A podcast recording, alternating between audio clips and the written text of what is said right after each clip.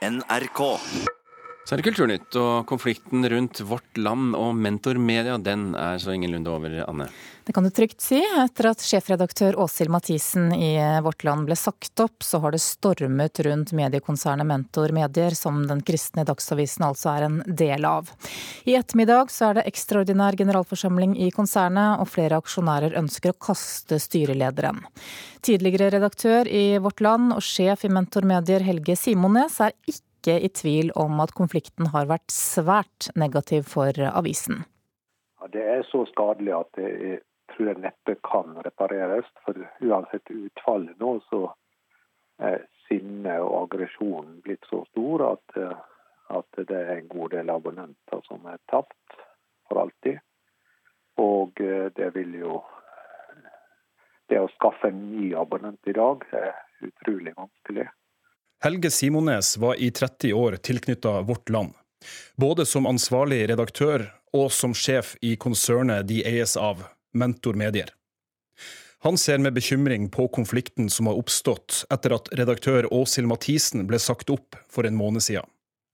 Striden kan ende med at styreleder Thomas Brunegård blir fjerna på den ekstraordinære generalforsamlingen i ettermiddag.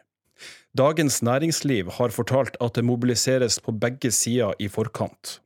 Både blant de som vil kaste Brunegård, og de som vil beholde han. Nei, Styret må jo forvente at det får noe kritikk for måten dette er handsamet på.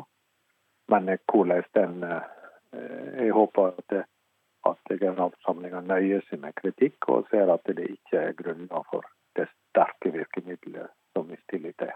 En av aksjonærene som erklærer mistillit til styrelederen, er Silje Kvamme Bjørndal.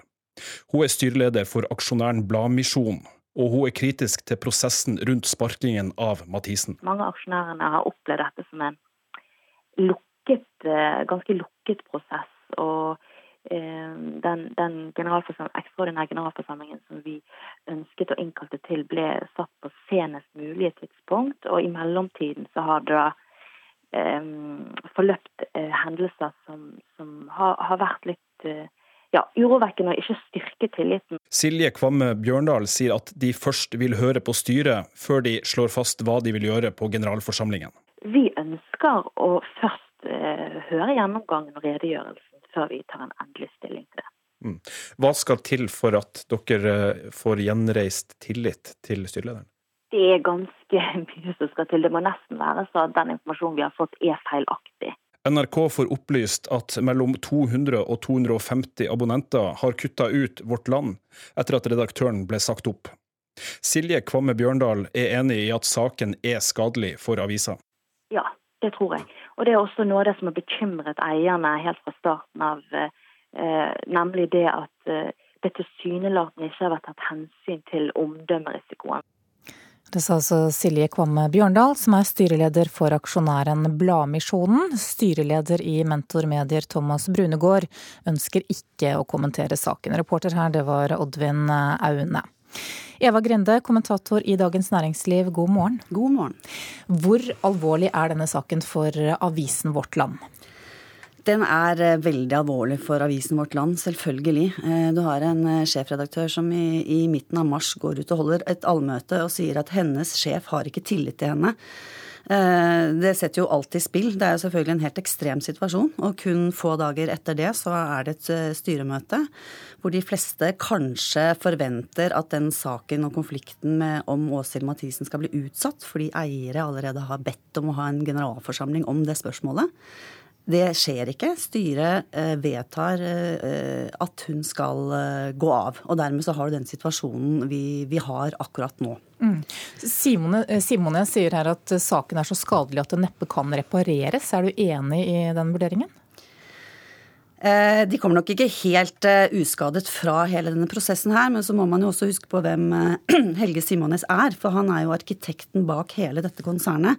Det var han som gjorde Vårt Land til et konsern. Først med navnet Vårt Land Medier, og så etter hvert med Mentor Medier etter at han hadde kjøpt opp Dagsavisen. Sånn at hele den konstruksjonen var jo noe han i sin tid som sjefredaktør og konsernsjef sto for. Sånn at han er vel opptatt av å si fra at at eh, dette må gå videre som eh, konsern, ikke spark denne styrelederen. Fordi konflikten har jo handlet om hvor stor og sterk Vårt Land-avisen skal være i forhold til hva konsernet skal ha å si over, over avisen. Mm. Det er kjernen i konflikten.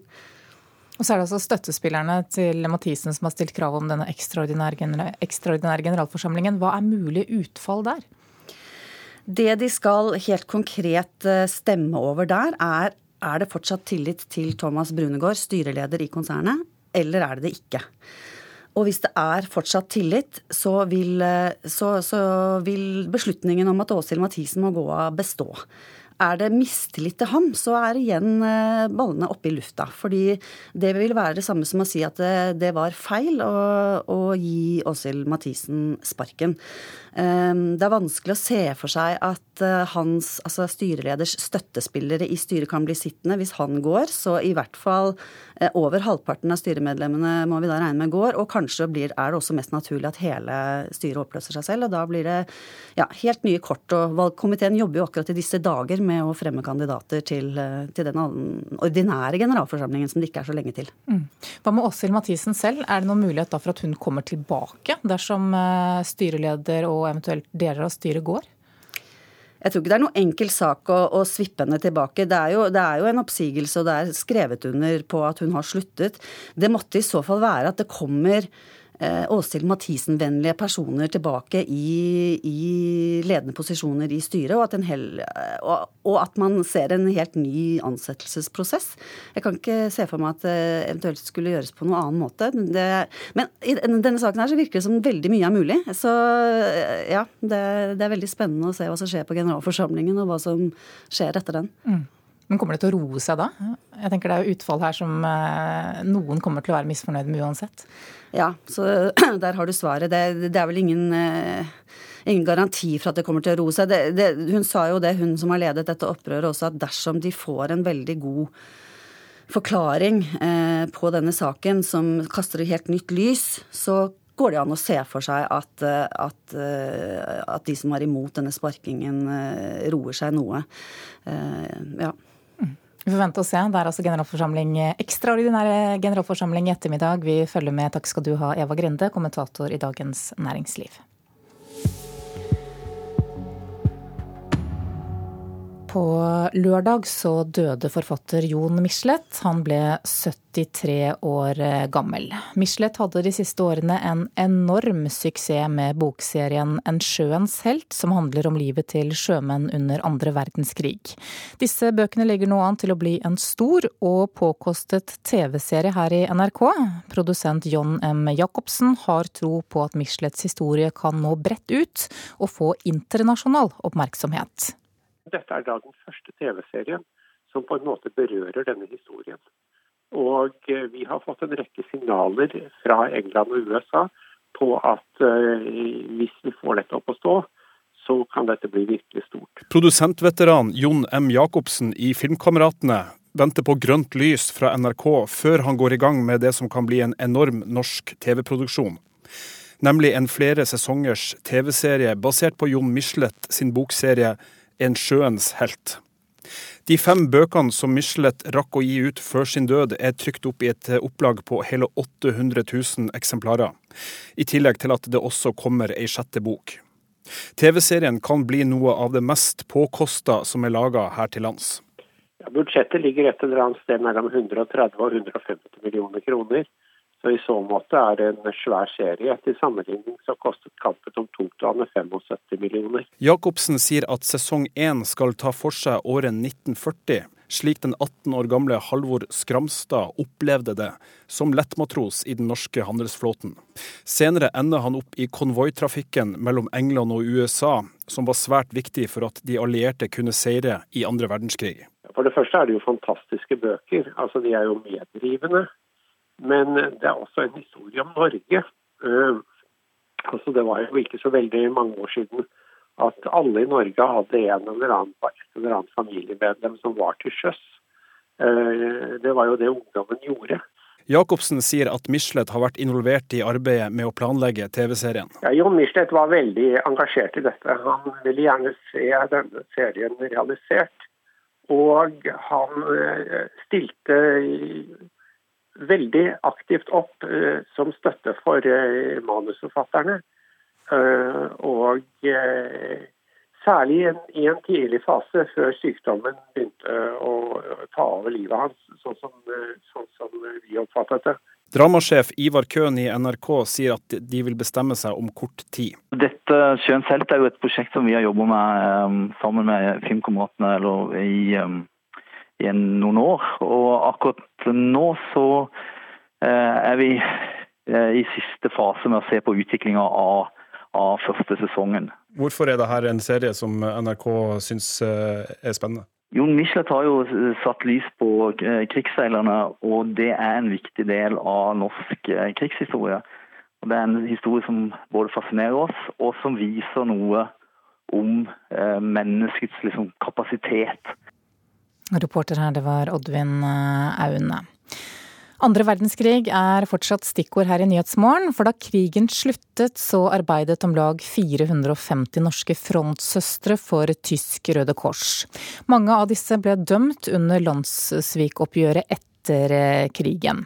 Og ved Haugesund teater så spilles det i disse dager forestillingen Sviker, som handler om en aldrende norsk frontsøster. Stykket er skrevet av dramatiker Marius Leknes Snekkevåg og Karen Frøsland Nystøl, teaterkritiker her i NRK. Du er med oss direkte fra Haugesund nå. Hva slags stykke er dette her? Det er ei tenkt historie om ei frontsøster. Og da Landsvikarkivet ble åpna for offentlig innsyn i 2015, så fikk jo alle som ønska innsyn i disse dokumentene som ligger der. Og det er nettopp det denne forestillinga dreier seg om. Den eh, aldrende frontsøstera Astrid og sønnen hennes, som da har funnet mappa hos si i dette Landsvik-arkivet. Og forestillinga er hans konfrontasjon med henne om dette her. Og det blir samtidig da ei, ei reise i hennes liv. Eh, fram og tilbake i historier. Vi får se små glimt av hennes grunn til å reise, hennes opplevelse og hennes traume da etterpå, når hun er tilbake i Norge og skal ha et, et normalt liv. Og det forestillinga forsøker å gjøre, det er å åpne opp for en slags forståelse av de valgene som hun Astrid, Astrid gjorde. For eh, kjernen er på en måte denne at eh, altså Landsvik Arkiv sitt materiale, det er ei side av saken, det er dokumentasjon. Men hvem eier egentlig historier? Hvem eier grunnene for å, å reise og, og, gjøre dette her? Kan vi egentlig forstå? Det er det Haugesund, spørsmålet som Haugesund Teater da stiller. Ja, hvordan har regissør Elsa Aanensen løst eh, dette?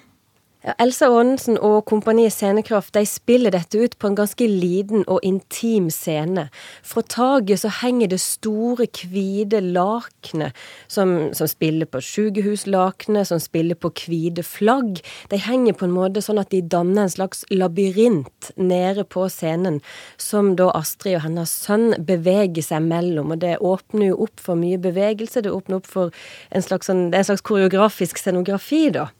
Eh, og på disse hvite lakenene så er det òg projisert eh, bilder fra krig, bilder av natur og lignende. Det fungerer veldig bra.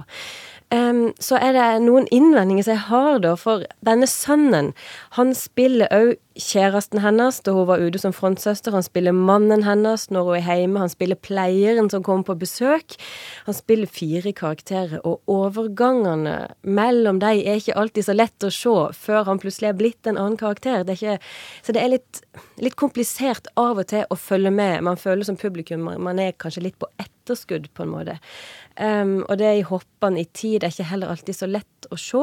Men det er samtidig um, Det blir på en måte blanda sammen, og sånn er det kanskje inne i hodet til hun Astrid òg. Og det er nok sånn det er, er tenkt.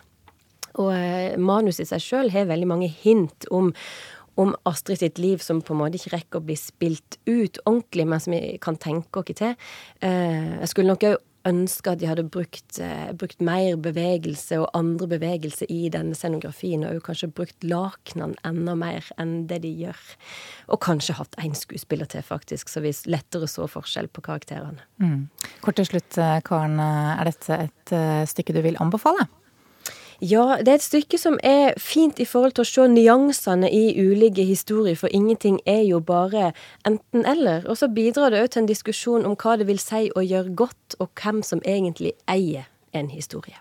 Takk skal du ha, Karen Frøsland Nystøyl, teaterkritiker her i NRK.